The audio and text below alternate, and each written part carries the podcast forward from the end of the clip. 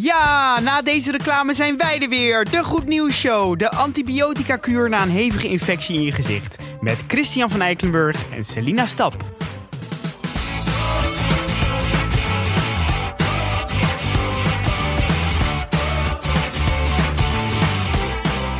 Zet je, zet je nou de andere podcast bashen, Chris? Absoluut niet. Nee, ik, ik, als je ons begint hoor je tegenwoordig gooi je Reclame. anders Ja.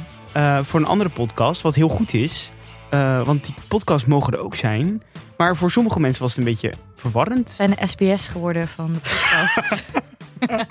We gaan ook dit aftellen. Ziel verkocht. SBS doet toch overal bij aftellen. En we gaan beginnen in 10, 9. ja? altijd. Oh. Bij elke eerste show. Welkom bij Dancing on Ice. En we gaan afstellen in 10, 9. Het is altijd heel kut. Oh, wat kut. Dus ook bij het Songfestival trouwens. Ja, klopt. Maar ja, love het Songfestival. Anyways, ik heb goed nieuws. Ja. Over hanenkuikens, Chris. Oh, Want Duitsland verbiedt het afmaken van hanenkuikens. En dan denk je, nou ja, maar wat gebeurt er dan met die hanenkuikens? Wie, wie maakt ze dan af?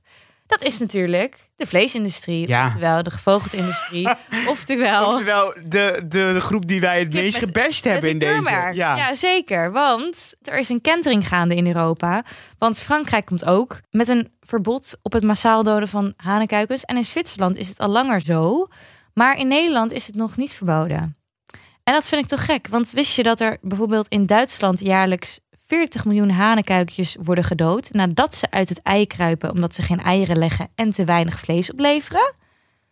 Dat Maar is wacht, zielig? Ja, is heel zielig. Maar wat, ik, mijn, mijn eerste vraag is: wat gaan ze met die hanenkuikens doen? Gaan ze ze opvoeden? Nee, ze maken ze af. Ja, maar ik bedoel, als ze ze nu niet meer afmaken, waar gaan ze dan naartoe?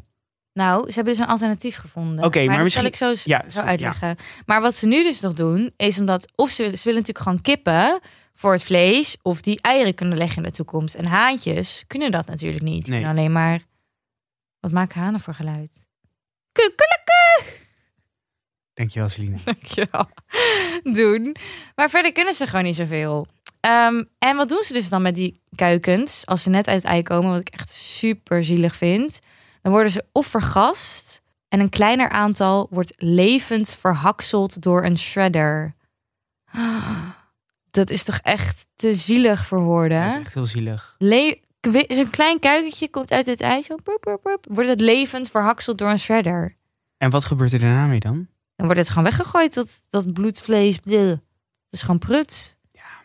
Zo zielig. En in Nederland zijn het ieder jaar 45 miljoen kuikens die worden vermoord. Maar dat komt dus, want we moeten even recapituleren. Dit komt dus omdat we vlees eten. Ja, dit komt omdat ze of gebruikt... Ja, en dus ook voor de ei-industrie. Ja. Of gebruikt worden... Ze willen kippen voor eieren of kip voor kip. Maar niet haan. Nee, Dat is te weinig vlees en geeft geen ei. Ja. Daarom worden ze vergast. de laatste mensen die nog zouden luisteren van... nou, ik geef ze nog één kans. Als we het maar niet meer over vlees hebben. Die, die haken nu Ja, af, ik hè? nu ook af. Maar ik vind gewoon, je moet het toch gewoon weten. Dat is ja, nee, je is, moet weten. is goed, ja. Ehm, en nou, er is er dus een verandering gegaan, want in 2019, na heel veel actie van dierenwelzijnsorganisaties, oordeelde de Duitse Hoge Rechtshof dat het dierenwelzijn zwaarder weegt dan economische belangen, want dat is eigenlijk Mhm. waarom ze het doen. Maar het oordeelde ook dat het pas verboden kan worden als er een technologisch beter alternatief voorhanden is. Dus dat je ze niet hoeft te vergassen, maar dat er dus iets anders gebeurt. En inmiddels is dat alternatief er, waardoor ze niet dood hoeven. Dus ze doen nu aan eierselectie. Wat nog steeds een beetje zielig is, maar in ieder geval. Daarbij wordt het geslacht van het kuikenembryo vastgesteld terwijl het nog in het ei zit. Eieren met mannetjeskuikentjes worden uitgeselecteerd en verwerkt tot veevoer. Oké. Maar deze selectie wordt vanaf 2024 ook aan strengere wetgeving onderworpen. Vanaf dat moment mogen slechts tot de zesde broeddag eieren worden uitgeselecteerd. Ik dacht eigenlijk dat je iets heel cools zou gaan zeggen over... weet ik veel, een foster parent haantje. dat je dan een haantje kan adopteren... en dat het haantje dan nog een Ah, leven dat zou echt leuk zijn. Ja, maar ja, dit is dan ook wel een goed alternatief, denk ik. Ja, het is beter dan levend vergassen of Ja, absoluut. ver- verhakselen in een shredder. Absoluut. Maar eh, dus je legt een ei... Ja, en dan zes dagen daarna mag er nog gekeken worden of het... en daarna niet meer. tot max zes dagen, Want hoe lang... ik weet eigenlijk he- helemaal niet hoe lang het duurt om een ei uit te broeden. 21 dagen. 21 dagen. Ja. Dat- is ook snel. Ja, Jeetje. loepte gaat het al. Ja. Sorry, maar ik was er gewoon even stil van. Ik was er even stil van. Ja, maar goed, dit is dus wel een oplossing. Wat Maar- wel echt diervriendelijker is. En, want die economische belangen zijn gewoon nog steeds heel hoog. Ja, in die industrie. Dus daarom is het nog. In Duitsland waren ze ook heel bang dat, het, dat eh, de eierproductie dan dus duurder wordt. Dat eieren in Duitsland duurder worden. Dat ze dan dus uiteindelijk niet meer kunnen concurreren met andere landen. Maar dat valt tot nu toe wel oh ja. mee, blijkt. Dus Ja, want ik, ja, want ik zag alweer voor me dat dan weer Duitsers, net zoals dat wij in Nederland benzine gaan halen. in Nederland gaan de Duitsers, eieren. gaan de Duitsers dan weer net over de grens even, even daar eh, een treetje eieren halen. Ja, want die zijn kip. goedkoper. Nee, maar dat valt dus mee. Oké, maar uiteindelijk is het natuurlijk misschien wel goedkoper, omdat je die eieren hoef je ook niet uit te laten broeden, zeg maar. Ja, en je hoeft ze niet al, met al dit. Ja, wat het overblijft als je ze levend verhakselt. Ja, ik kan niet. Ja.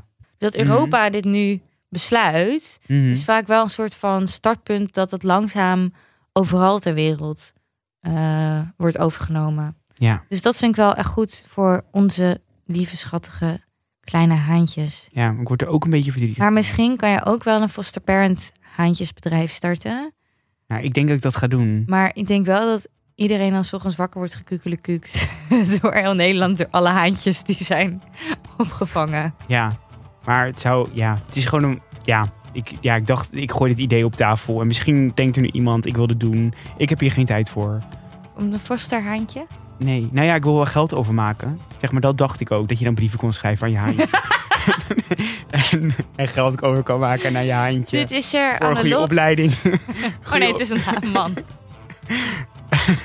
Willemijn. Het is een... Het is een, het is een mannelijk haantje, ja.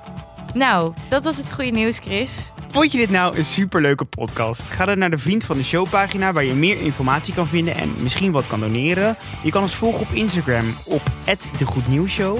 Je kan naar Spotify om je te abonneren op onze afspeellijst. Je kan sterren en recensies geven in de Google Podcast app. En je kan een mailtje sturen en dat kan naar... Goednieuwsshow.gmail.com Dankjewel, Selina. Tot morgen. Doei.